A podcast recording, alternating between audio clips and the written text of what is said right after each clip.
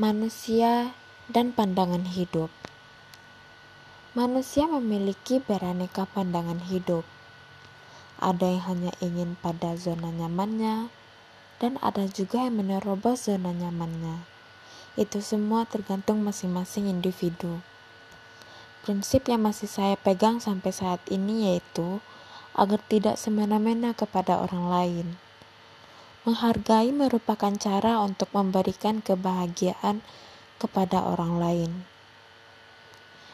Kebahagiaan tidak hanya seputar uang atau hadiah.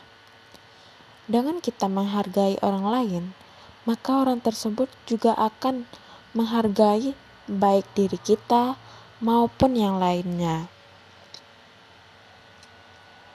Begitulah cara kita untuk mengaplikasikan pandangan hidup kita.